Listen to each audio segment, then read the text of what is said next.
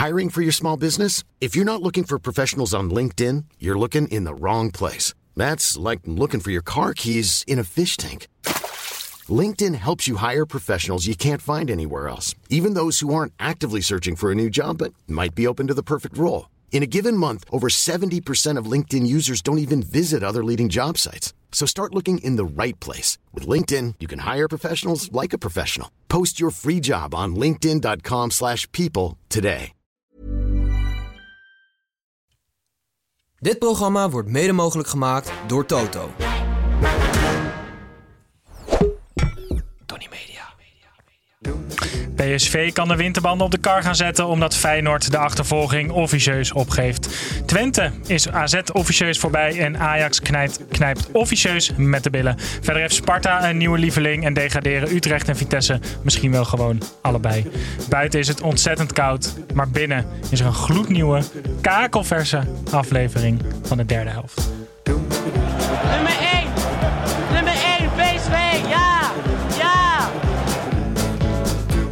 Klaar mee. Ik hou me op niet meer. Van een cavia, daar kan je niet een leeuw van maken, weet je wel. Gebruik je verstand, godverdomme.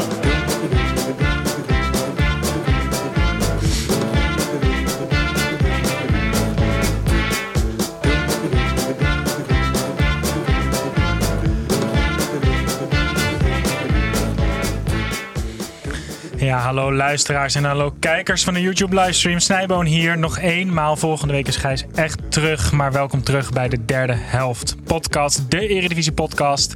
Waarin we de hele speelronde nabespreken. Speelronde 17, 18 teams, 9 wedstrijden. De Eredivisie is weer begonnen, is uit de winterslaap. En om deze spetterende herstart te bespreken, hebben we uitgepakt. Naast Tim en Pepijn, mijn vaste companen, schuift vandaag niemand minder dan podcastkanon Robert Maaskant aan. Alles kanon eigenlijk. Alles kanon, ja, hebben we besloten. Ja, In ons midden heet je het snippetkanon. Omdat de vorige keer toen je hier zat, toen hebben we alle stukjes uit de uitzending bij elkaar opgeteld. Miljoenen keren bekeken op de social media. Dus die kan je nog op je LinkedIn erbij plakken. Oh, het, ja, snippet, het zeker. snippetkanon. Heel goed. Eh, Heb je trouwens wel eens, eh, ik hoor jou net die introductie doen, Ja. maar het oog op morgen zoekt nog iemand. Hè? Ja, dat is waar. Ja. ja, maar hebben niet Buiten 40 40.000 mensen letterlijk Oh, echt daar waar, al iets voor ingestuurd? Ja. Ja, maar daar hoor je toch bij. Als je, dit, als, je dit, als je het zo introduceert, ja. buiten is het 6 graden. Binnen zit Snijboom. Eerste snippet is binnen. Weet je, ze bellen mij maar. Ja, je hebt gelijk. Ja. Ja. Ehm, voor de je mensen die je niet kennen. Heel, ik ga alleen. Ja, ik ga vooral. ik ga even achteruit Ik ga vooral je sportcv eh, behandelen, want we hebben het net over je hele cv gehad. Dan zitten we door de drie kwartier heen. Ehm, je speelde onder andere bij Go Ahead, Zwolle en Motherwell. Je trainde door Pepijn zo geliefde RBC, Willem II, NAC, Groningen, de Daytona Dutch Lions, Dynamo Minsk en Wisla Krakau, onder andere. En je bent tegenwoordig onder andere analist en een van de leden van FC Media Circus, waarin je met je compagnons Jos en Bas je voornamelijk op de mediakant van sport richt. Is dat een... En je zit bij Rijnmond, NOS. NOS. Ja. Zijn er nog, zijn, wat zijn de belangrijkste ESPN. dingen die ik nu niet heb benoemd? Want je zit ook in de skiwereld. Eh, ja, ik ben, eh, zit in de topsportcommissie van de Nederlandse skivereniging. Ja. Eh, wat ik voornamelijk doe is bedrijfscoachen. Mhm. eh, op leiderschap en communicatie. teambuilding en dat soort zaken. Ook Via voetbalclubs Intensa eigenlijk? doe ik dat, ja, zeker. Ik Echt heb waar? toevallig vandaag vanochtend een gesprek gehad. Ja, dat is dan weer via een ander eh, bedrijfje. Maar toevallig via een oud vriendje van me. eh, die is jarenlang op het KCT, Korps Commandotroepen, is die instructeur geweest. En gaan wij eh, voetbalclubs, businessclubs eh, op basis van sportief, dus eh, uithoudingsvermogen, dat soort dingen testen. Maar ook de businessclubs uitdagen op basis van leiderschap. Dus dat wordt een nieuw, eh, een nieuw iets wat ik ga doen. Jij zou echt zo'n ideale witwaszwendel zijn. Want er is zoveel. Mooi. Ja, dat wordt dus het Misschien idee dat je dat nooit hardop zegt. Kapper, kapperszaakje beginnen ergens. Ja, Zo'n zo, Ja. zo'n simkaartenwinkel. Ergens op Curaçao. Hoeveel uur slaap jij s'nachts? Ja, best veel. Ja? Ik slaap goed ook. Ja. ja. Ja, het is ongelooflijk. Ehm, Je kan zoveel als je maar wil. Mooi. Dit is, een- dit is, is is een deel jongens. van die training. eh, Robert, wij beginnen onze uitzending altijd met onze... Is hij, hij is niet meer nieuw, hè Tim? Dan word jij boos als ik dat Het is zeg. geen nieuwe nieuwe rubriek. Het is een rubriek. Nee, nee. Komt die scoop ingeleid door Evert ten Napel. Komt die scoop? En bij Conti Scoop proberen wij jou het vuur aan de schenen te leggen door je een vraag te stellen die je nog nooit hebt gehad. En vandaag luidt die vraag, ik ga hem proberen in één keer goed te stellen. Tim heeft het namelijk opgeschreven. Jij hebt alle mogelijke functies ooit bekleed binnen een voetbalclub. Trainer, technisch directeur, hoofd jeugdopleiding, hoofd scouting, assistent, speler. Stel een club in nood, hypothetisch bijvoorbeeld Vitesse, die belt jou en die willen één wisseling doorvoeren binnen hun technische staf. Ja, of binnen de hele organisatie. Binnen de hele organisatie. En die wisseling van, van Maar specifiek Vitesse of, of andere dingen? nee, gewoon een club in. Nou, misschien Vitesse nemen als, als voorbeeld. Ja, want dan eh, wordt het anders natuurlijk. Hè? Oké, dan. Ik zou normaal gesproken zou ik namelijk... eh, ja, dus welke eh, positie zou je wisselen voor de meeste impact? Ja, dus met dat andere club in De nood. vraag is Ja. wel- welke positie heeft de meeste impact op de totale Ja. organisatie? Ja. Had het ook kunnen gewoon vragen zo. Hè? Had ik het ook Ja, gewoon zo is inderdaad wel echt Ja, maar beter. hebben drie kwartier om te vullen. Ehm, ik zou de trainer... eh, Toch wel, ja? Ik denk dat eh, uiteindelijk de trainer de meeste impact maakt op de vorderingen van de spelers. Ehm, ook voor je uitstraling van de club. Dat is degene die het veruit het meeste in beeld is. En dus ook heel veel bepaalt daarin. Ehm, je zou kunnen denken dat een technisch directeur belangrijk is. Die is natuurlijk belangrijk voor de samenstelling. Maar dat doet een trainer. Is, daar ook alweer bij betrokken bij dat proces. Dus ik vind dat je trainer daar eh, de belangrijkste positie heeft. Dus Ajax had eerst Stijn moeten vervangen en daarna pas Mislint dat. Of is, is, de, is de casus Ajax dan weer zo Nee, bijzonder? toch- nee, ja, maar goed. Ik denk dat er toch genoeg over Stijn is gegaan. Ik, ik denk dat Stijn de humor had moeten hebben om te zeggen... joh, die niet dat heeft alles verkeerd gedaan. Zelfs mij aangesteld. Had hij er misschien nog gezeten. Ik vind het leuk dat dan je verwacht het onorthodoxe antwoord bij Robert Maaskant. En dan wordt het normale antwoord wordt het onorthodoxe antwoord. Op deze, want de trainer is het meest simpele antwoord eigenlijk op deze vraag. Mhm. Mhm. En dat is blijkbaar dan toch ook het juiste antwoord. Ja.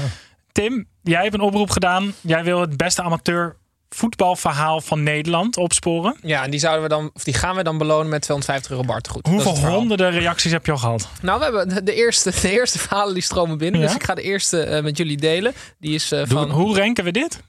Gewoon, gevoel.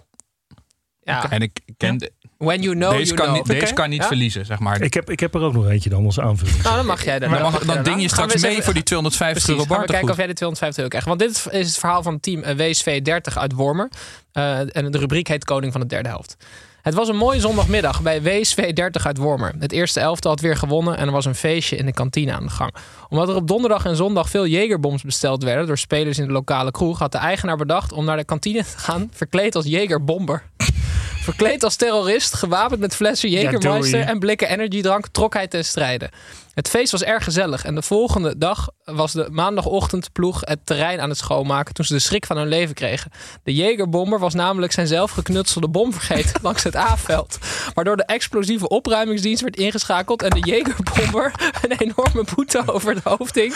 Al met al een prima feestje. Hier Ja. heb ik de foto en er was een, eh, Mogen we die plaatsen? ja, zeker. Noord-Hollands Dagblad. Bejubelde terrorist tussen haakjes uit Wormer vreest flinke boete. Hij is naar het park moeten snellen om niet de hele woonwijk eromheen te laten ontruimen.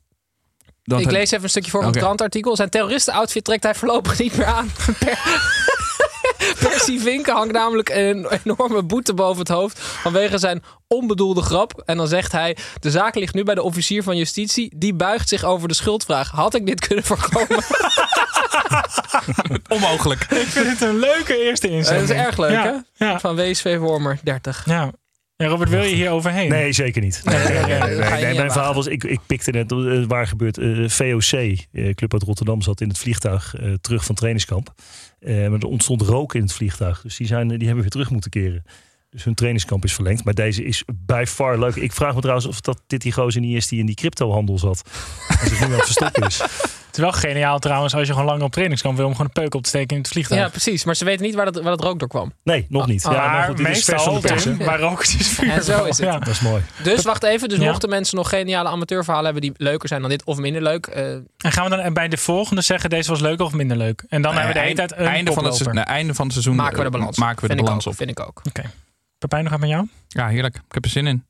F- Fijn die Bredaanse eh, invloeden die we hebben hier in de podcast. Het is de vierde Bredaanse... Je wil gewoon mee terugrijden. Pepijn gaat nul kritische vragen stellen. Dan zet hij zijn lift op het spel. elke, elke week probeer ik iemand uit Breda regelen. Maar nee, eh, gaat goed, uh, Snij. Mooi. Dan gaan wij door naar de eerste wedstrijd. En dat is PSV 3, Excelsior 1. Zou de winterstop een vervelende onderbreking van de vorm van PSV worden? Of gaf het Bos de kans om zijn elftal nog beter te maken? Het leek er toch stiekem op dat het vooral dat laatste is. Dankzij een magistrale Luc de Jong won PSV simpel met 3-1. En kan het zich gaan opmaken voor een kampioensfeest. Al was trainer Bos uiteraard woedend over het laatste kwartier... waarin niet het niveau gehaald werd wat hij verwacht. Robert, ik wil het graag even hebben over de, de, de vele loftuigingen die, uh, die over Luc de Jong heen gestrooid zijn na dit weekend. Is dit overcompensatie omdat hij misschien in het verleden niet genoeg gewaardeerd is? Of is dit het niveau van waardering wat Luc de Jong verdient? Uh, ik vind dit wat hij verdient. Want hij heeft doelpunten gemaakt op ieder niveau. Mm -hmm. En als je ziet hoe hij kan koppen, want daar gaat het voornamelijk om natuurlijk. Hè? Ja. Um, ja, dan heeft hij wel echt, echt de absolute wereldklasse daarin. Ja. En, uh, dus ik vind dat, dat het volkomen terecht is. Maar termen als, als PSV-icoon, is dat, is dat op zijn Nou, plaats? Want dat, Nou, dat, is wat er dit weekend Ik- gebeurt. Ik was bij, E ESPN, Kop-icoon, vind ik dan. ja. Ja. nou, ik was bij ESPN en daar, daar hing een foto van Cruijff, Ajax, Willem van Hanegem, Feyenoord. Mhm. En wie is dan de derde? Wie stond er als derde? Wie, wie zouden jullie denken? Ik denk nu Luc André, de Jong. Ber- André Berdomo. Nee, nee PSV. Ja, Luc de Jong dan. Eh, ik denk Luc Niels.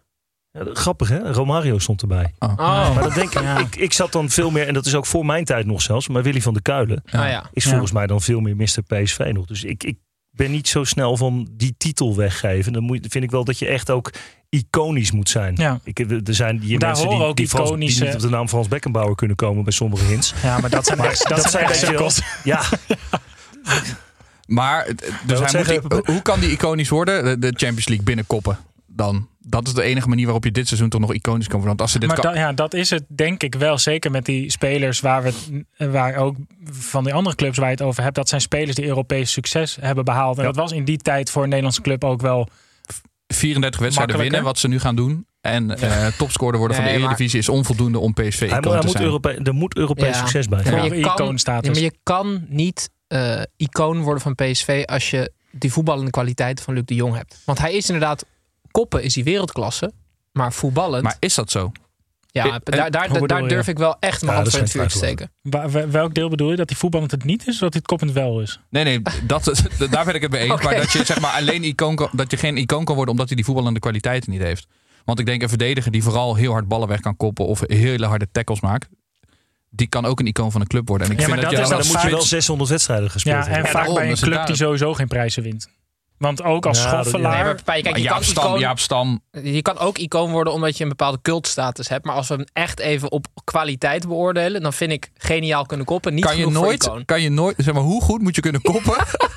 ik, ik denk maar dat het is hij, lullig. want Hij heeft, hij heeft het bij de verkeerde club gedaan. Want hij heeft letterlijk een Europese titel binnengekopt. Ja. Alleen niet bij PSV.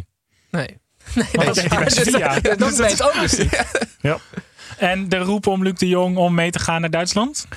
Nou, die vind ik niet, om, eh, niet onbegrijp, of, eh, onbegrijpelijk. Ik snap dat wel. Als je kijkt hoe makkelijk hij die ballen binnenlegt. En eh, het is straks einde van het seizoen. Joh, wie weet raakt Weghorst een beetje geblesseerd. Dan hebben we echt geen alternatief. maar als. Weghorst ook niet een beetje geblesseerd Maar het is. Nee, maar, dan, zou die, dan zou het beter zijn. Hoewel ik vind Weghorst een beetje gek is ook wel lekker in zo'n Nederlands elftal. Zeker. Ik heb, hebben jullie die Netflix documentaire gezien over eh, de, de, de aanvoerders? Nee. Met, met, nou, ze, ze hebben het hele WK gevolgd. Eh, daar komen heel veel spelers in voor. Nou, er zitten twee hele kleine korte shortjes in van, eh, eh, van Blind, grappig genoeg. En voor de rest komt het Nederlands elftal alleen tegen Argentinië er heel Ah, ja. even in voor als Mhm. tegenstander. Ja. Maar voor de rest niet. En wie komt er dan in voor? Weghorst. Weghorst, Ja. omdat hij de bonje maakt en Ja. de twee goals maakt. Ja. En juist dat gaat je helpen aan titels. Ja. En wij zijn allemaal zo braaf. Van, nou, Frenkie de Jong gisteren natuurlijk ook weer. Ja, wordt gewoon als een braaf jongetje weggezet tegen Maar Real Madrid. Ik moet zeggen, Luc de Jong is ook een beetje gek. Als je ziet, hij doet alles met zijn hoofd. Ja. Hij, gaat, hij, kn- hij gaat een duel met de vuisten van de keeper aan met zijn hoofd. Daar moet je ook een beetje gek voor zijn. ja, Als hij voor de deur staat, dan komt hij ook aan. gewoon omdat hij niet lenig genoeg is om dat met zijn voeten te doen ook. Nou ja, ik gun het Luc de Jong sowieso om zo gewild te zijn dat heel Nederland het heeft over hoe Luc de Jong meegaat naar een eindtoernooi. Dat gewoon die mate van, van, van liefde heeft hij denk ik nog nooit eh, gevoeld. Pep, nog heel veel kort naar jou. Want Peter Bos is ook op jouw recordjachtterrein gestapt. Ja, ja, ja want het, het- het- tot op heden vond hij het onzin. Alle records die gebroken werden, aan het eind van het seizoen werd de balans opgemaakt. Maar nu heeft hij toch eh, gerefereerd eh, aan het record dat ze, nu, eh, dat ze nu hebben gebroken. Hij zei het is een unieke prestatie. Het ging over die eh, 17 wedstrijden op rij winnen. Maar dat is het niet. Want ze hebben een record geëvenaard. En als een record evenaren iets niet is, dan is het uniek. Dus als ze nou uit bij Utrecht winnen, mag Bos eigenlijk spreken van de unieke prestatie die ze, die ze geleverd hebben. Maar ik vond het een beetje afdoen aan de, aan de norsigheid van Bos. Dat wat vond jij van die frustratie dan? Dat hij weer over het laatste kwartier moet beginnen? ja, hij moest wel. Hij kan niet, hij kan niet meer anders. Ze hebben die, die boosheid is nu zijn een soort van identiteit geworden. Maar ik hoop dat hij het heel erg gaat kantelen. Dat hij gewoon echt ultiem relaxed wordt die tweede seizoen zelf. En, eh, Ik hoop dat hij dit volhoudt. Dus dat hij bij zijn speech, als ze kampioen zijn geworden, dan gewoon begint over alle slechte momenten die ze hebben gehad. ook dat laatste kwartier tegen Excelsior. Waar hij nog steeds een eh, slechte middag eh, of slechte Ja. avond eh, van heeft. En Tim, heel kort. Prins Dijkhuizen, hij heeft zichzelf heel kort geprobeerd in de etalage te, te zetten, maar toch niet gelukt. Nee. Verlengd tot 2026 volgens mij. Ja. Ja, en hij ging nu weer helemaal de andere kant op. Dus hij zei ook bij interviews, zei hij, ja, ik vind het ook zo bijzonder. Ik pas hier ook zo goed. dat zei hij ook echt. Maar, hij past er ook zo hij goed. heeft één open sollicitatie gedaan. En daar is dus ook helemaal niks op teruggekomen dan, Nee. toch? Nee, Hoe, mo- moeilijk niet. is het om als trainer een club te kiezen? Als je wint is het makkelijk. Op het moment dat je niet wint, dan heb je daar geen enkele keuze in. Nee, Maar als jij, als jij ehm, wat bedoel jij als je werkloos thuis zit? D- dat, Want dat lijkt me ook ongelooflijk moeilijk. Want dan komt er iets voorbij en dan vraag je je altijd af, gaat er nog iets beters komen of ga ik hem nu pakken? Maar dat is ook als je ergens werkt. ja. Ja, en maar dat dan is ook zowel vaak als een het stap- goed of als het Dan is slecht gaat. vaak wel een stap, een stap omhoog. Maar ik bedoel, Frank de Boer zegt koning van de slechte, van de slechte keuzes. Toch? Ja, Ja. Als, als trainer. Mhm. En Dijkhuizen, denk ik, de allerbeste keuze om gewoon bij Excelsior te blijven. Want eh, dat is één op één, is hij Excelsior. Nou, ja, Rijkhuis heeft natuurlijk al, al twee keer een, een enorme mis, misstap gemaakt Ja. daarin. En, Ja. en één keer is hij door die data-jongens in de maling genomen. Bij Eh, Of Brentford. tenminste, die hebben zichzelf laten foppen. eh, door de cijfertjes erbij te pakken. En Nak is natuurlijk ook niet, eh, niet geweldig afgelopen. Nee. Dus ik denk inderdaad dat hij goed op zijn plek is. Overigens wel grappig, hè? er waren 18 man ziek op het trainingskamp Ja. van Excelsior. Hoe krijg je het voor elkaar? Ja, dat is knap, ja. Ja, heel slecht koken. Blijkbaar. Wij gaan door naar de volgende wedstrijd. En dat is Feyenoord tegen NEC 2 tegen 2. Feyenoord had drie weken om na te denken over hoe het PSV toch nog kon achtervolgen. En wat ze moesten doen om de druk erop te houden. En dat deden ze 45 minuten lang. Mede door een herboren Dilrosun. Eh geen veldje aan de lucht. En daarna realiseerde zich dat tweede worden ook heel fijn is. En ook heel leuk. En liet het NEC terugkomen van 2-0 tot 2-2. Twee pogingen voor de Nijmegenaren. Twee doelpunten. Tim, dit was een hele korte opleving van de titelstrijd. Ja, ik vond het echt jammer. Nu, het voor mijn gevoel is het nu ook wel echt klaar. Ik had, ik had nog een soort... Eh, nou ja, die winst is natuurlijk heel belangrijk. Dus hoe die clubs eruit komen. En nu is het gewoon... eh, want er, was inderdaad geen veldje aan de lucht. En Feyenoord was veel beter. Die spelers van NEC die na de wedstrijd zeiden... We hebben niet eens goed gespeeld. Het was 25-2 doelpogingen. En het werd 2-2. En dan, ja, dan zegt Slot van... eh, Als je naar de statistieken kijkt... Is het onmogelijk dat 2-2 wordt? Dat is niet zo. Want was 25-2. uniek. Ja, het is wel uniek. Maar als je 25 doelpogingen hebt en twee keer scoort, dat, ik bedoel, je kan toch ook kritisch naar jezelf zijn, want hij was veel meer over, ja, het is onmogelijk als NEC één keer naar ons 16 kijkt, is het al een doelpunt. Maar en, en het feit dat ze uit al die spel, eh spelervattingen doelpunten tegenkrijgen, alsof dat eh, eh, botte pech is. Dat is toch gewoon kwaliteit? Dat, Ja, je, dat, niet dat goed, dat je dat niet goed Ja, verdedigt. slecht gekiept van Bijlo. Ja. Ja. Robert, hoe zijn zulke wedstrijden om als trainer te ervaren? Nou, ik, ik, ik kan je heel erg mee, eh, mee leven met, eh, met Arne dat hij zo reageert. Want ik heb zelf ook wel eens op die manier gereageerd. Mhm. dat ik, dat ik, ik heb wel eens wedstrijden met Wisla Krakov gehad. eh, waarin we thuiswedstrijden bijna 90% balbezit hadden. Meer dan 1500 En daar passes. koop je niks voor, hoor. En eh, nou, ja, precies dat. En, maar dat haalde ik dan na afloop aan, want speelden we gelijk. Ja. Werd het 0-0. Eh, en daar heb ik dus van geleerd dat Ja. ik dat op die manier niet moet doen. Dus ik heb vandaag bij, bij Rijnmond onder andere ook aangegeven. Ja, Slot had gewoon moeten zeggen na afloop: gefeliciteerd NEC. Eh, knap gedaan, puntje meegenomen uit de Kuip. En wij moeten dingen verbeteren. En ja, daar moet je dan maar mee omgaan. Ik ben wel benieuwd, want ja, Bijlo zei na de wedstrijd ook al eigenlijk, we gaan ons richten op de tweede plek. Dus zelfs binnen Feyenoord is het klaar.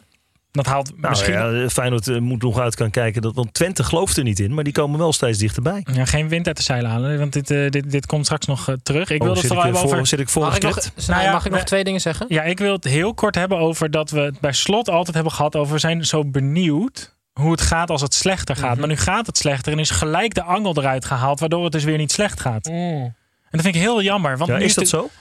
Want ik heb, ik heb dus op de sites even gekeken. Dat doe ik Mhm. nooit. Ik Mhm. kijk echt nooit op social media. En ik raad het je ook niet aan.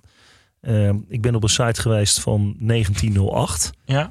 Dat is, Dan noem je ook wel wat. Echt serieus. man. Ik, eh, Maar uit een soort van ramptoerisme. Even kijken van hoe het daar... Eh, ik, heb, ik, ik had het nog nooit gezien. Ik denk, nou, ik ga Gewoon voor de gein de als een beetje als voorbereiding op, op, op de uitzending van vanmiddag. Nou ja, als je ziet hoe die slot dan, dan benaderd wordt met termen als oprotten en, en Wij ook, hebben- ook Dat is echt nog best netjes. Wij hebben het hier volgens mij, was het vorige week of voor de winterstop over gehad. Dat, dat het probleem met clubs waarbij het, goed, waar het te goed gaat, is dit. Zeg maar, Slot heeft het veel te goed gedaan in zijn eerste. Je kan het beter opbouwen dan dit. Want dit is heel realistisch hoe Feyenoord nu presteert. Zeg maar, ze, ze presteren helemaal niet onder hun kunnen. Ze hebben vorig, vorig jaar gewoon boven hun kunnen. En met het geluk dat de rest het niet zo goed deed. Maar Slot wordt nu kapot gemaakt door mensen die vorig jaar hiervan hadden gedroomd. Van deze, deze Nou, positie. er, zijn, er zijn, kijk, er zijn best wel. eh, eh, ik vind het belachelijk dat slot zo aangevallen wordt. Dus tuurlijk moet je van NEC thuis winnen. Als je kampioen wil worden, Ja. dan moet je, daar, moet je daarvan winnen. Ik vind het ook raar dat ze vier spelers naar de Azië Cup en, en Afrika Cup laten gaan. Waarvan drie aanvallers. Ja, maar wat moet je dan doen als trainer? Tegen Minte zeg je, blijf maar hier. Nee, je- je had ook na kunnen denken dat je er niet eh, vier hebt. Oh, ja, en, zo. en hij, zei, hij zei ook, ja, dan heb ik geen tweede spits meer. Dan dacht ik van, ja, dat is wel wat je Ja, maar wist toen je, je hem. Ja. toen je hem kocht. Ja. Ja, Of, eh, tuurlijk. toen Nee, je maar haalde daar- deze- ik vind dat daar niet goed over nagedacht is. Je Ja. weet dat die toernooien eraan komen. En eh, daar had je rekening mee kunnen houden. Maar Dus- ik denk dus dat eh, Slot wel nu hoopt dat PSV alles blijft winnen. Want dan kan hij in ieder geval altijd Ja, ja, zeggen... ja, Ja, maar. PSV was legendarisch, weet we je wel. En. Wij werden tweede De achter beste- PSV. beste van de rest. beginnen. Want Nee, eh, nee. sorry. Tim, nog nog één van je twee punten Ik moet kritisch zijn op Pepijn's oogappeltje Tafsan. Want die heeft een voorcontract getekend bij Hellas Verona. Want die wil eh transfer overstappen in de zomer. En die kon zich niet focussen op de wedstrijd. Dus Jochem van Gelder, vriend van de show, die had al getwitterd... in een hele grote pizzadoos met een strik eromheen naar Italië. Hij kon nu niet spelen omdat hij in juni gaat verhuizen. Nee, hij moest nu een voorcontract tekenen. Ja, dus hij was bezig daarmee. Ja, Zijn handtekening aan het oefenen. ja zoiets. Oefenen, ja, denk ik wel. Nou, Maar dat dit gaat weer zo'n pareltje uit de eredivisie worden die in het buitenland op gaat bloeien. Nou, Heb je het hier voor het eerst gehoord? ik, heb, ik ben niet overtuigd. Maar ik ga je ook niet tegenspreken. Twente AZ 2 tegen 1. Misschien wel de meest interessante wedstrijd van dit weekend.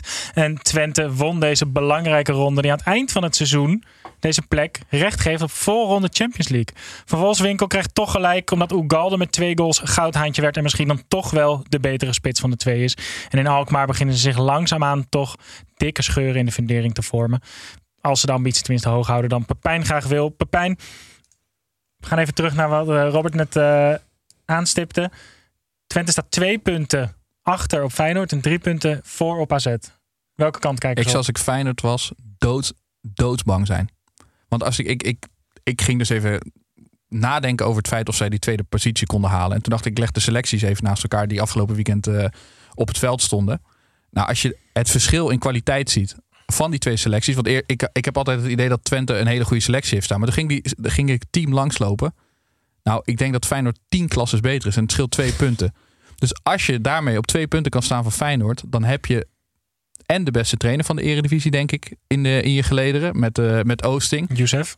En ik denk dat je een samenstelling van selectie hebt die gewoon briljant is. Mm. Is Jozef ook boos geworden over de laatste 10 minuten? Nee, maar ik denk dat dan wordt dus, toptrainer. hij wordt dus Ja. nooit boos, denk ik. Ja, dat kan dus niet. Want hij is ook, hij, hij straalt iets.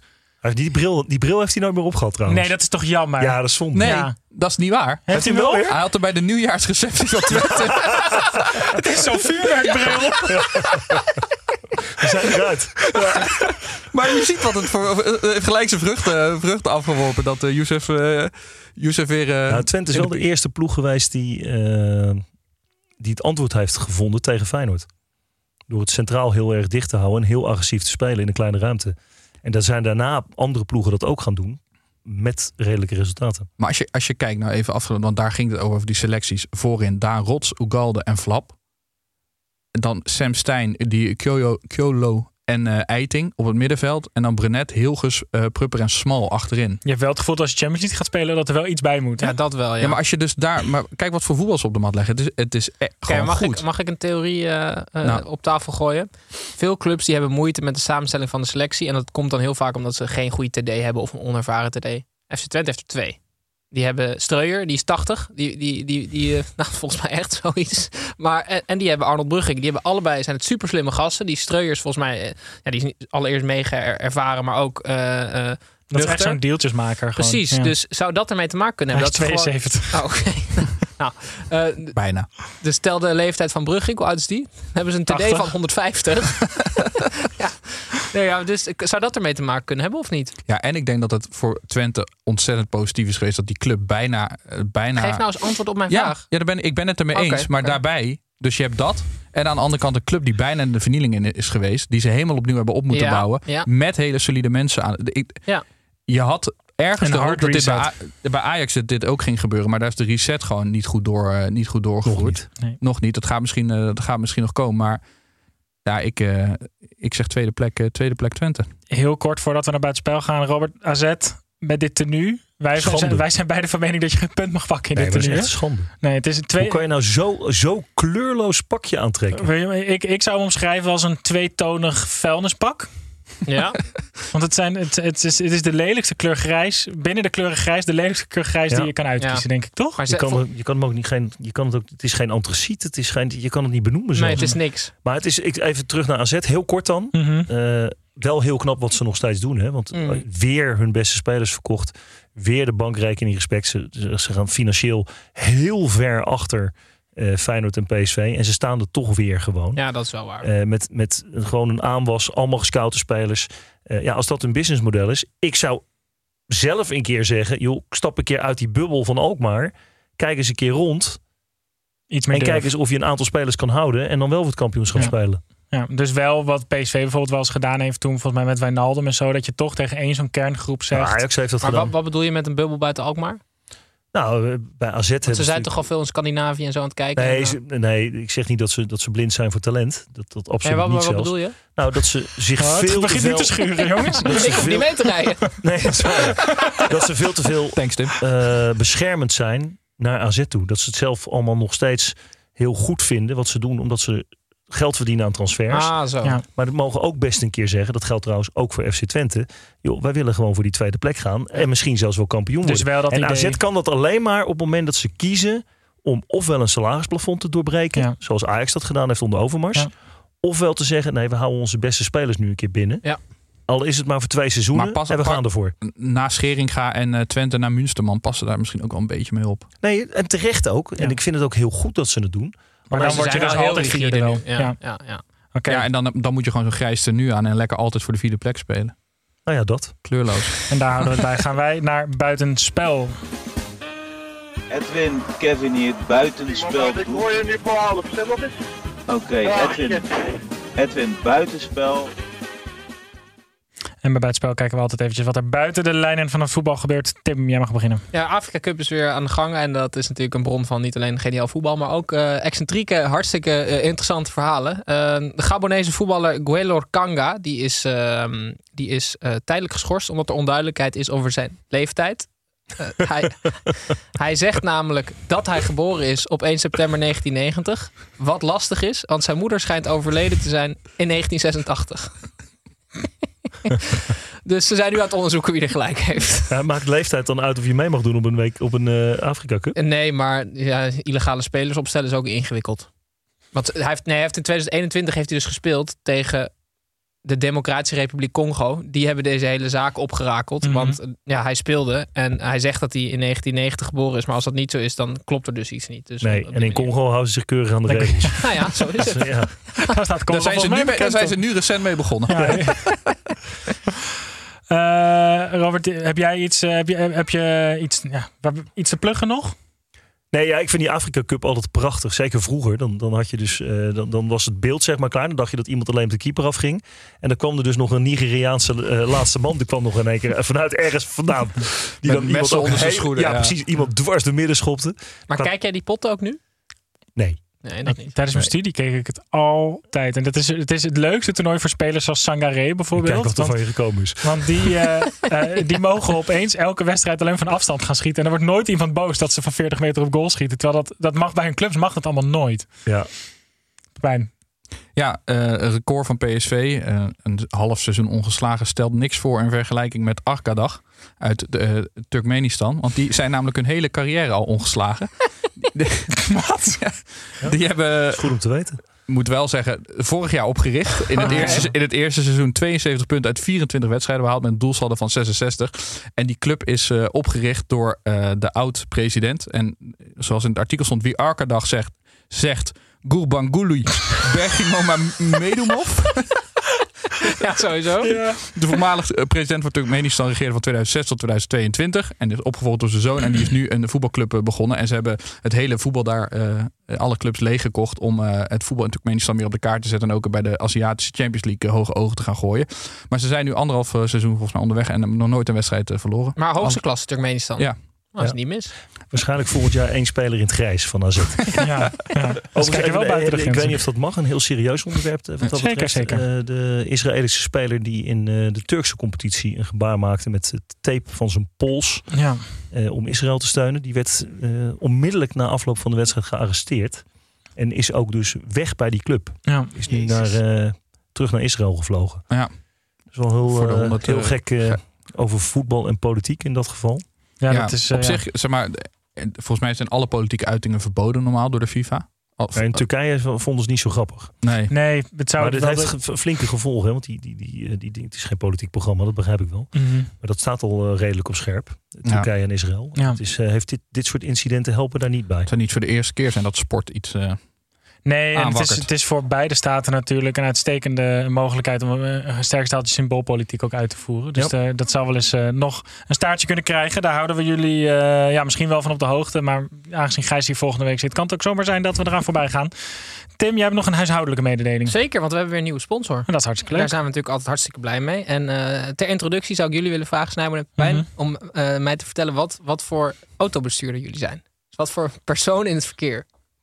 Dat, dat ligt er tegenwoordig bij mij heel erg aan of ik alleen in de auto zit of dat mijn kinderen ook in de auto zitten. En ik denk dat dat bijna hetzelfde Ja, geldt. en ik wou zeggen, eh, voor mij ook precies hetzelfde. Ik wou zeggen, de tweede is veiliger, want dan rij ik veiliger. Ja. Maar dan zit ik ook wel heel de tijd, ik heb zo'n dubbel spiegeltje, weet je wel, dat dat kindje kan zitten. En dan vind ik het ook zielig als ze alleen achterin zitten. Dus dan zit ik toch net even vaak zo achterop. Zo.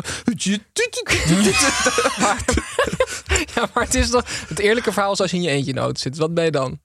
Ben je geduldig? Of? dwaas als ik hoor. Ja, Allebei. redelijk In mijn, verlaagde, in mijn, in mijn- in mijn verlaagde Volkswagen Golf. Kijk dan. Nou eh, ja, ik, ben, ik ben namelijk de slechtste versie van mezelf als ik aan het autorijden ben. Ja? Ja, dat meen ik serieus. Ik kan, er, ik kan er niet tegen. En daarom ben ik zo ongelooflijk blij met onze nieuwe sponsor Interpolis. ja, maar dat is echt zo. Want die hebben namelijk een, eh, een, een autoverzekering. En dat is niet alleen heel belangrijk. Maar hier, iedereen ervaart autorijden anders. Wij ook. En daarom hebben zij iets geniaals geïntroduceerd. De autobewust eh, autoverzekering. En je kan namelijk daar zelf de keuze maken wat je wel of niet verzekert. En ook hoe hoog je premie eruit komt te zien. Ehm, maar wat je wel of niet verzekert, zo van mijn bumper wel en mijn wielen niet. nou, dat, je kan het helemaal op je eigen gedrag risk, aanpassen. eigen risico, dat soort dingen, denk ik Precies. En eh, dus dan kan ik misschien iets rustiger in de auto zitten. Want ik ben echt een, eh, ik ben een Jij eikel. kan niet als- oververzekerd raken in de auto.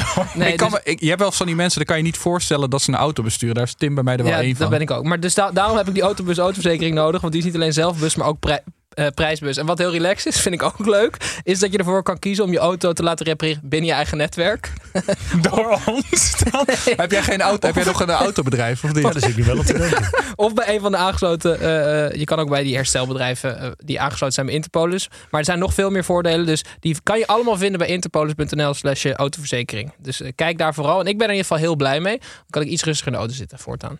Gaan wij door terug naar het voetbal. Go Ahead Eagles tegen Ajax 2 tegen 3. Die hoopten op een miraculeuze opleving tijdens de kerstdagen kwamen tegen Go Ahead bedrogen uit. Het spel was nog steeds niet goed en het leek nog steeds kwetsbaar achterin. Daarnaast sprak Pasveer zich deze week ook nog eens uit over de verloren identiteit van Ajax en het gebrek aan inzet. Maar dit alles gaat misschien wel voorbij aan de nieuwe status van Go Ahead als subtopper, waar uitwedstrijden ook niet makkelijk gewonnen worden. En dus zijn de drie punten die Ajax meenam misschien wel knapper dan gedacht. Robert, het voelde voor mij een beetje wrang dat Remco Pasveer zich als cultuurbewaker van Ajax opwerpt. Ja, dat is gek. Dat is gewoon zo. Weet je, eh, maar ja, er zijn geen jongens die al eh, tien jaar in het eerste elftal spelen op het moment. Dus dan kom je eh, bij een veteraan uit die eh, wel een tijdje meegelopen heeft, maar nou niet echt een Ajax-pyjama heeft volgens mij. Zou dit door iemand van de club zijn in? Nee. Nee? Zou je als Nee, trainer- Pasveer, Pasveer is wel authentiek. Eh overigens zou ik hem ook een boete geven. Want Het ik was echt een heel slecht moment ervoor, toch? Ja. Als in, je hebt eindelijk die drie weken waarin je probeert de rust terug te laten keren. En dan volgens mij twee dagen voordat de competitie herstart gebeurt dit. Maar geef je dan zo'n speler zo'n boete daarvoor? Ja, ik vind op het moment dat je... Hij, hij praat ook slecht over zijn medespelers. Ja. Ik vind dat je dat intern moet doen. En niet, eh, niet naar buiten moet brengen. Ik, vind, ja, ik, vind, ik moet altijd lachen op boetes in de voetballerij. Ik, dat hadden wij ook. eh, Nee, maar goed, als je, jij bij jouw werkgever eh, publiekelijk affakkelt... dan denk echt- ik dat jij ook een gesprekje met Paul de Pla hebt. Hoor. Ja, maar geen dat- boete maar van geen Paul de boete. Pla, Dat zegt- toch? Dat zegt niet voor 500 euro en dan zijn we weer klaar. Nou, dan wordt je contract niet verlengd. Het is toch Nee. hetzelfde? Ja. Maar boet, ik vind boetes ze opleggen aan elkaar, zeg maar, om te laten komen. Ja, ik weet, ik vind het in de voetballerij iets, Ja, iets machtigs mooi. Volwassen mensen die elkaar Wat, boetes. wat ik daar zo interessant vond aan dat artikel is dat het gaat over toen Tadic en Blinter speelden, gingen alle spelers eh, proberen, eh, die waren altijd een krachthonk te vinden in de gym en zo. Die, eh, die wilden zichzelf altijd verder ontwikkelen. Maar binnen training, dus gym, dat is toch iets wat je gewoon als club kan verplichten. Als je denkt dat is beter voor mijn team en de Maar er is toch ook een bepaalde mate van krachttraining, denk ik, ook al wel ingebakken in het trainingsschema. Het gaat toch om extra training? Nou, kijk, het- is gewoon waar het om gaat is als je professional je lichaam verzorgt. En eh, ik, toen ik heel vroeger in Schotland speelde, eh, bij Modderwell, dan gingen die jongens, die, dat was nog in de tijd dat er veel gedronken werd ook. Hè, dus er liepen ook echt serieuze alcoholisten tussen. en, eh, maar die gingen als, als die dan even wat gingen drinken, dan waren ze ook alweer prof. Want je speelde daar, geloof ik, eh, 194 wedstrijden in een seizoen. Dan gingen ze dus op een barkruk zitten. Ja, grappig. Maar wa- waarom deden ze dat nou? Van, ja, dan kunnen hun benen rusten. Dus dan gingen ze wel naar de kroeg. Maar dan gingen ze niet op, mentaliteit. gingen ze niet op hun Altijd benen staan. ermee bezig zijn. Dat is, uiteindelijk is dat uitgemond in eh, eh, ja, zorg goed voor jezelf en ga wat vaker naar de gym. Ik merkte bij Wiesla dat eh, ik kwam toen van NAC. Nou, daar werd echt wel goed getraind en goed gewerkt. Goede pros. Dat was de tijd dat met NAC nog voor Europa speelde. Maar daar, veel internationals erbij, deden allemaal extra voor zichzelf. Of het nou warm fietsen was of eh rekkingsoefeningen van tevoren. Eh, maar ook na de training onmiddellijk de gym in om weer eventjes een cooling down voor zichzelf te verzorgen. En dat werd ook wel collectief gedaan onder leiding van trainers. Maar ze zorgden ook voor zichzelf. Ja, maar wacht Jonas even. Ik snap, was ook een ik, fantastisch snap het, ik snap het nog steeds niet. Want als je Ajax bent en eh, je wil de beste prestaties van je spelers, dan doe je toch, eh, dan, dan plan je toch dat hele schema zo vol, gewoon alles wat het lichaam aan kan. Dus het argument Ja, dus van ja, maar zou- waarom Nee, doe je niet iets extra's? Dat, Ja, dat, moet je, dat moet je als professionele club toch opleggen aan spelers die 3 Nee, maar miljoen er per jaar toch, verdienen. er zijn toch altijd. oh, Je kan toch niet 24 uur per dag je speler gaan monitoren? Maar qua training zou je toch wel zeggen dat je op het ideale. Ja, dat vind ik er altijd momenten. Altijd momenten dat ze vrij. Ze gaan naar huis, ze gaan zelf eten klaarmaken. Nee, dan dat heb je toch wel. ik zou dan denken dat op het moment dat ze zelf nog het krachthonk in gaan, dat door hoe strak dat trainingsschema is afgesteld, dat je automatisch overtraining.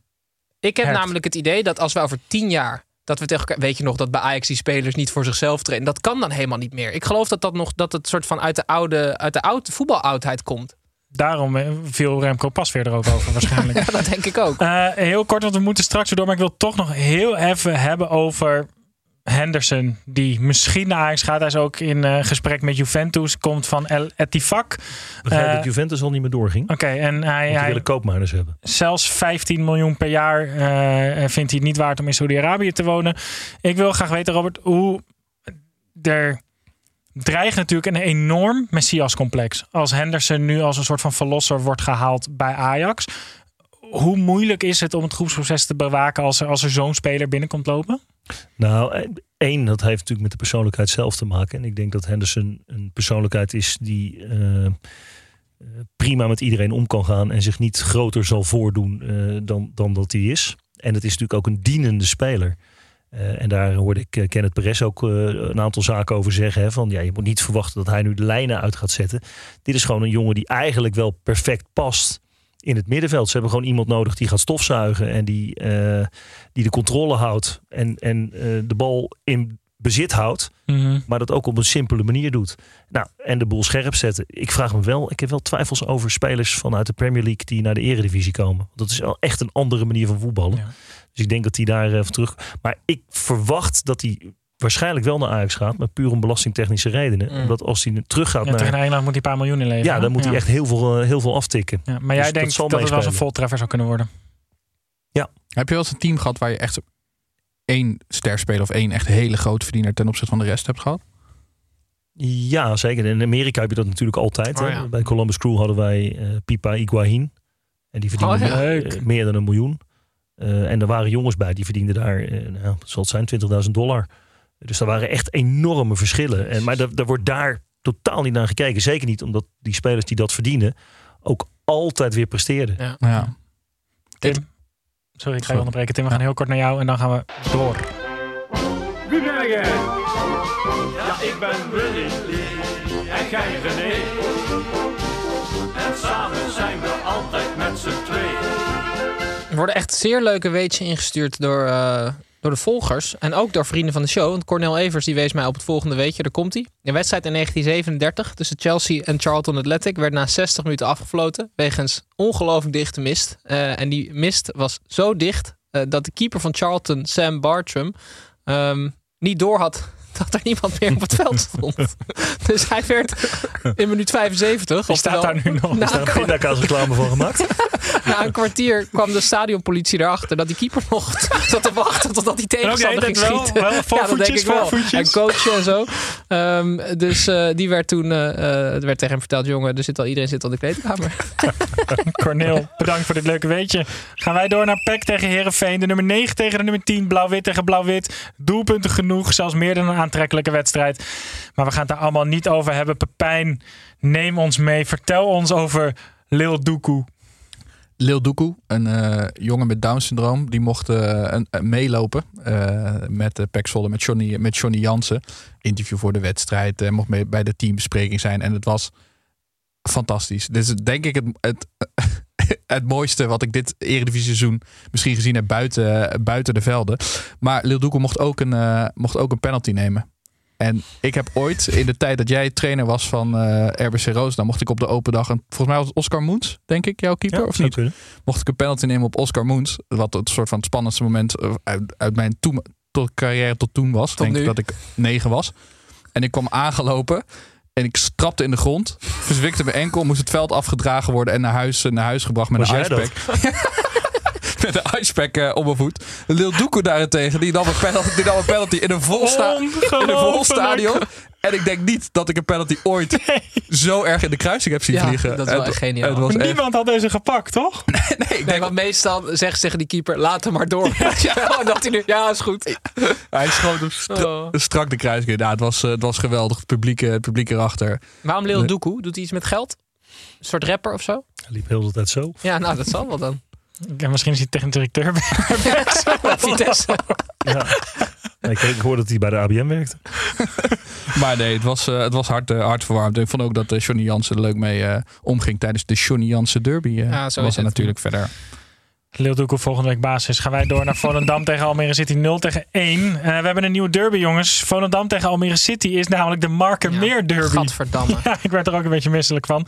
Bij Volendam een nieuw trainersduo van Simons en Dingsdag. Dit was voor de kerst nog Dingsdag en Simons. Ehm, maar wegens eh, het feit dat Simons de juiste papieren had, moest hij de hoofdtrainer zijn. Er was helaas geen sprake van een shock-effect door deze spraakmakende wissel. Eh, Almere City mag de Markenmeer derby trofee één jaar hebben na verdiende 0-1 zegen. Eh, Robert, jij kent Almere City, hebt er als technisch directeur gewerkt. Ja. Ehm, veel luisteraars van onze podcast zullen Almere City nog niet heel goed kennen. Eh, vertel ons eens waarom alle voetbalfans in Nederland een zwak voor de club Almere City moeten krijgen. Omdat het een club is die eh, best wel over veel financiële middelen kan beschikken. Maar heel bewust kiest om rustig stap voor stap de boel op te bouwen. Eh, Omgekeerd keuzes, Vitesse. nou, misschien wel, ja. Eh, keuzes maakt op sportief gebied die eh, tot nog toe uitstekend uitpakken in de loop der jaren. Een businessclub heeft waar de achterdeur volledig op slot zit. eh, omdat spontaan iedereen blijft aangesloten. Omdat het zo gezellig is. Maar dat men ook heel veel zaken doet met elkaar daar. Eh, dat het een maatschappelijk zeer betrokken club is in Almere. Waar ze heel veel voor doen. Eh, met John Bess een directeur hebben. Die uitstekend leiding geeft op een hele vriendelijke manier. Het is echt een heel leuk team van mensen die daar, eh, die daar staan.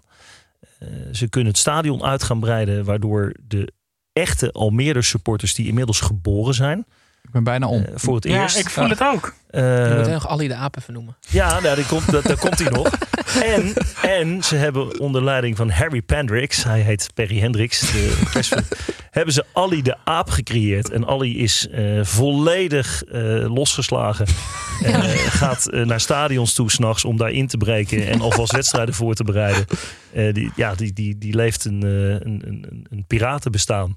En daarom is Almere erg leuk eh, om te zijn. ook om naar te kijken. En ze wonnen ook nog een keertje terecht van Volendam. Ja. Die dramatisch waren. Ik was bij die wedstrijd. Ik Mhm. moest hem 40 minuten nabespreken.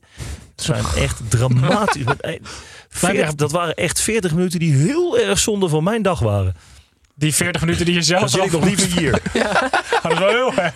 Ja. Maar Almere kan Ik dus gewoon cult worden zonder dat het echt, zeg maar, het is geen traditionele cult, maar omdat ze dat niet zijn, worden ze cult. het is nog steeds de jongste. Ja. Ja, Jong- en je, jong, je moet altijd eigenwijs. fan zijn van clubs die normaal beleid voeren. Ja, Dat de weg van de geleidelijkheid hoor Ja. ik. Maar En even bij ESPN, de Markenmeer Derby, dat gaan we natuurlijk niet nee, doen. dat gaan we niet. Dat gaan we niet Ja, doen. ik ben, zo, ik ben een van de weinigen die bij, eh, bij ESPN steeds zegt van... eh, joh, schijn nou eens uit met die derbies. Eh, net zo, net maar zoals wat de is- term druk wil ik ook niet meer horen De derby trainers. is dus dat ze aan hetzelfde water liggen. Nou ja, het, Dus wel- de, de, de Ajax, vorig jaar- Ja, Ajax meer derby is prima als ze op het water spelen, toch? het Ja. Amsterdam-Rijnkanaal Nee, derby, Ajax-Utrecht. Ja, nee, maar wat wel zo is, dat vorig jaar bijvoorbeeld de hele businessclub van Almere met de boot naar Volendam is gegaan. Dat was natuurlijk een groot feest. Nou, dan vind ik het wel weer wat hebben. Dan is het wel leuk. Ja. En als het echt Classic gaan Markenmeer vriezen, derby. wie weet.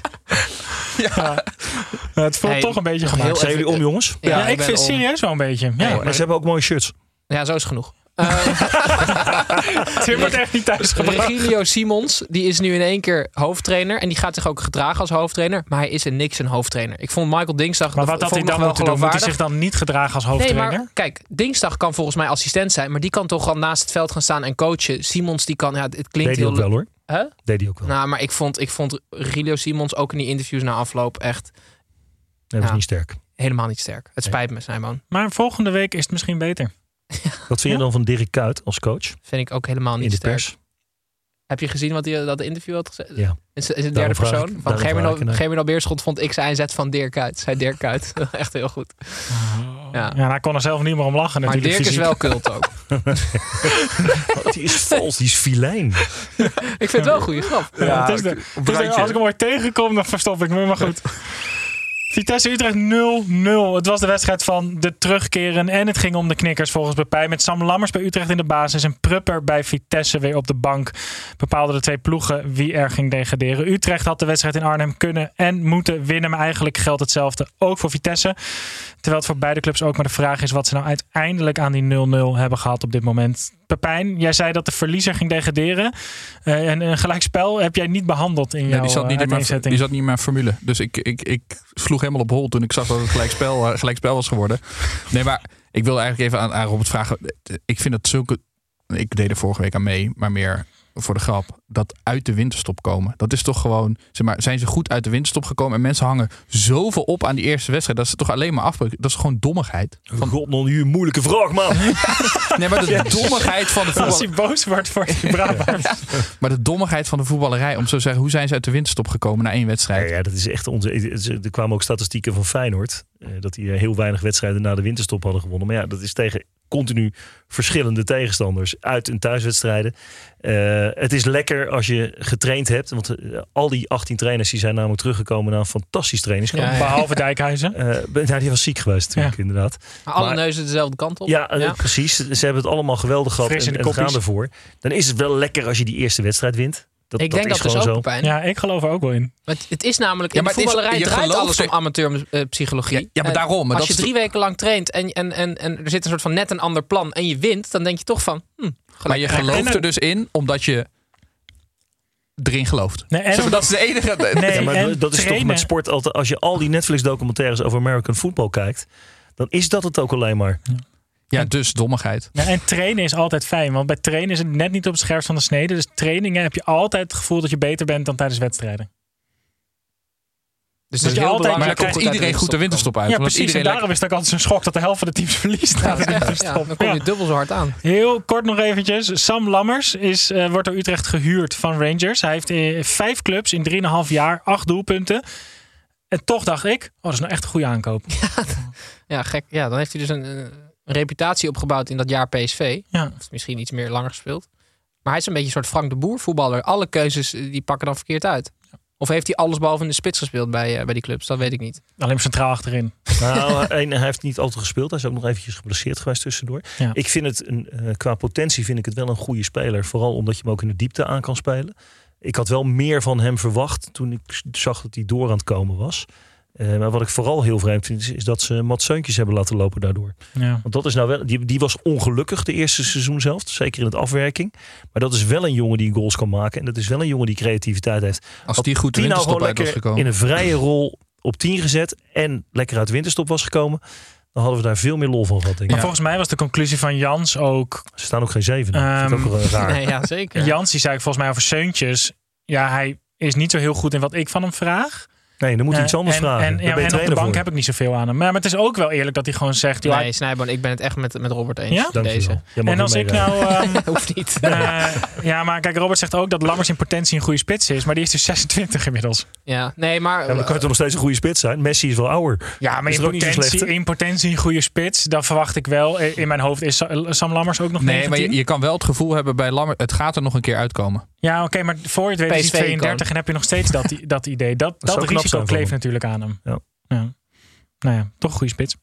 Eh, we gaan naar de laatste wedstrijd van dit weekend. RKC tegen Heracles 1 tegen Heb 2. jij Fortuna Sparta overgeslagen, lieve Oh, jongen? dat denk ik. dat Dan gaan we die straks nog even doen. Na een Ik vind al dat ik ontzettend, lang niet aan het woord ben. na een ontzettend mooie reis van RKC naar Marokko. Waar trainingskamp werd gecombineerd met vrijwilligerswerk. Traden ze in de fietsenstalling aan tegen Heracles met een imagoprobleem. Nieuw coach van de Looy zal de fans in ieder geval een klein beetje voor zich gewonnen hebben. Door met 1-2 te winnen bij RKC.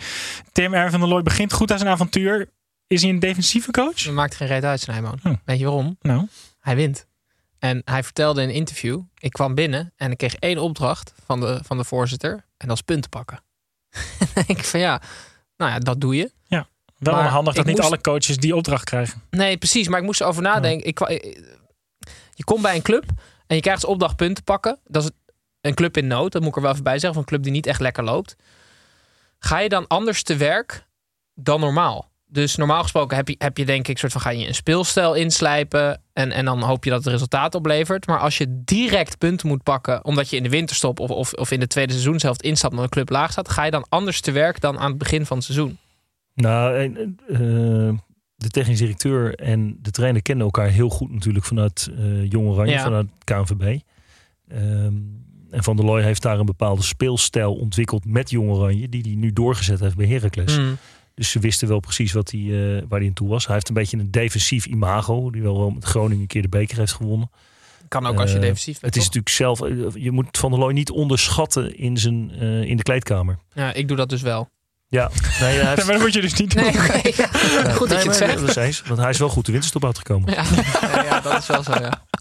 En dan, dames en heren, niet eerder vertoond een toetje. Oh, We gaan aan het eind van de uitzending toch nog heel eventjes naar Fortuna tegen Sparta. Ehm er is een nieuwe mania. Dat is namelijk Mythomania, Ja, Tim. zeker. De nieuwe aanwinst van Sparta werd hier aan tafel door mij al getipt. En hij maakte mijn mooie woorden meer dan waar. In een leuk duel verdiende Fortuna misschien wel iets meer dan het kreeg. Maar van Sparta winnen is tegenwoordig heus niet zo makkelijk meer. Dankzij goals van de Japanse sneltrein en Metinho wonnen de kasteelheren uiteindelijk met 0-2. Tim, ligt je Mytho-shirtje al op de mat? Nou, ik ga hem wel denk ik bestellen. Weet je waarom, Snijboon? Nou, Ehm, hij is spelers dus- zijn met naam achterop eigenlijk. Nee, volgens mij niet. Nou, dat is kut dan. Dat is wel jammer. Ja. Maar hij is de eerste niet-EU-aankoop van Sparta. Oh, echt? Ja, dus hij verdient voor het eerst nou, 4 ton zoiets. Weet je, dat is echt serieus geld. En ehm, waarom ik zo... Ze hadden toch al een Japanner? Ja, die hebben ze gehuurd van die Citigroup. Oh, oké. En ehm, wat ik zo vetter aan vind, is... Bij, voor Ajax was... Nou, ik heb niet iedereen het echt heel vet. kan ik ook Het was best een lange dag vandaag. maar eh, die had ook deze niet als toetje moeten doen. Ik had helemaal opgeladen. Nee, maar ze hebben dus die speler onge Kijk, ongelooflijk goed opgevangen. Want ze hebben een inspanningsfysioloog. Dat is Kogai Sagara. Dat is gewoon een, een, Nederlandse, een Nederlandse Japanner. Dus die eh, vangt, die, eh, vangt hem op. En die, ehm, het is gewoon ongelooflijk belangrijk dat je die spelers thuis laat voelen. Et cetera, et cetera. Bij Ajax had- hadden ze Akpom helemaal niet gezien eh, voor een maanden. Die was helemaal eenzaam. Nou ja, Sparta heeft voor het eerst een dure aankoop. Iemand die veel geld verdient. En waar ze veel moeite voor hebben gedaan om die binnen te halen. Grootste talent van de J-League ook verkozen. Vind ik ook wel altijd interessant. En de, ja, daar zijn ze gewoon, gaan ze gewoon heel zorgvuldig mee om. Tot op heden. En hij Mhm. komt goed uit de winterstop. Ja, het is jammer dat hij nog geen hele wedstrijd kan spelen. Want hij heeft in Nee. december zijn laatste wedstrijd gespeeld in, eh, in Japan. Dus hij moet echt nog wel opgetraind worden. Eh, mooie term. Daar Mhm. hebben ze bij Ajax ook last van. Dat duurt een seizoen of twee, denk ik, bij ze. Dat doen ze dan toch gewoon zelf? De- de maar Ja. het, is, het is- inderdaad een, een, leuke Vulko van Koper eh, is hiermee aangekomen. Het is een tip geweest van een makelaar in Ja. dit geval. Dus niet alle agenten zijn altijd eh, slecht voor een club. Mhm. Eh, en Gerard Nijkamp had die connecties al. Dezelfde zaakwaarnemer als de Japanner van, eh, van Feyenoord. Van, eh, hoe heet die? Ueda. Leuk. Ja. En leuk beleid Leuke van, weetjes. leuk Ja. beleid van Fortuna Sittard. Noslin. Eh, Mhm. Die staat ook in de belangstelling van eh, Kiev of Hellas Verona. Net als de Tafsan. En die willen dus 3 miljoen bieden. En dat vind ik dus zalig. Want ze hebben die bij... Op Noslin? Ja, ze hebben Noslin dus gehaald van die Utrechtse amateurclub. Ja. Weet je wel? En eh, dit is echt het tegenovergestelde van het Boerak Yilmaz beleid. Dus ehm, ze hebben Noslin gehaald van een amateurclub. Die is in twee, drie jaar uitgegroeid tot iemand van die 3 miljoen waard is. En Maar dat vind als, ik gewoon als, genieten. maar als ze 3 miljoen op Noslin bieden, zeg je toch wel, joh, 2,5 komen er wat brengen. 3 is toch echt heel veel voor Noslin? Nou ja, tegenwoordig buitenspelers met snelheid die Internationale voetbal. En ik vind Noslem vind ik ook echt oprecht een leuke spijt. Het is ook een hele leuke jongen, spontane jongen. Ja, maar dat levert Eh, geen geld op. Hij heeft het overigens nee gezegd tegen Utrecht. Hè? Ja, en Millwall afgelopen zomer, wel- die wilde een miljoen bieden. Dus hij is nu heel snel eh, gestegen. Oh. Ik vind dat dus echt leuk. Zie je, leuk toetje. Bamos Albert. En, Ja. en Fortuna, de tweede ploeg deze eeuw. Waarbij in één eredivisie seizoen vier verschillende spelers een penalty missen. Nou, Laten we daar Dat bij- is pas een toetje. Dus ze hebben Lil Doekoe nodig. En daar sluiten we af. Robert, ontzettend bedankt voor je komst. Heel graag tot een eh, volgende keer weer. Zoals de vaste luisteraars van ons gewend zijn, zijn wij donderdag weer te beluisteren met een nieuw En ik ga, scoutingsrapport. dit is leuk. Reclame voor, voor eh Media Circus. Ja, woensdag. Ja, zeker. Ja. woensdag is Tim Ja. Bij FC Media Circus. door Sven Kokkelman ondervraagd. Ja. Ja, ja, dan gaan we even het vuur aan de Even zagen. Ja, want je hebt, het, je hebt het wel jezelf moeilijk gemaakt Ja, door net shit, eh, zo ja. kritisch te zijn. Dan Ja. krijg je hem terug. Ja, dat Dus- was niet slim. Op er woensdag, Robert. op woensdag FC Media Circus. Op donderdag het Eredivisie Erfgoed Elftal. En dan aankomende maandag weer een nieuwe aflevering van de derde helft. Met Gijs die helemaal zen eh, hier weer aan ja, Gijs die zit. zweeft hier dan binnen en dan komt het helemaal goed. Is Bedankt voor terug? kijken. Ik hoop het. Nee, volgens mij nog niet hoor. Nee? Moet ik weer? 26 januari. Nee, is pas die week daarna. Nou, volgende week ben ik er weer. En Bedankt eh, voor het Koert kijken. God, man. Nee, Koert Westerman in plaats van eh zijn vervanger. Oké, bedankt voor het kijken, bedankt voor het luisteren. Tot volgende week.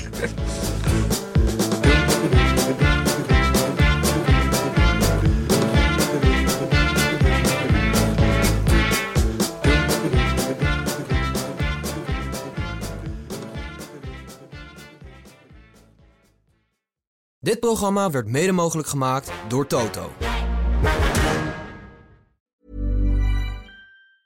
Mom deserves the best, and there's no better place to shop for Mother's Day than Whole Foods Market. They're your destination for unbeatable savings, from premium gifts to show-stopping flowers and irresistible desserts. Start by saving 33% with Prime on all body care and candles. Then get a 15-stem bunch of tulips for just $9.99 each with Prime. Round out Mom's menu with festive rosé, irresistible berry chantilly cake, and more special treats. Come celebrate Mother's Day at Whole Foods Market.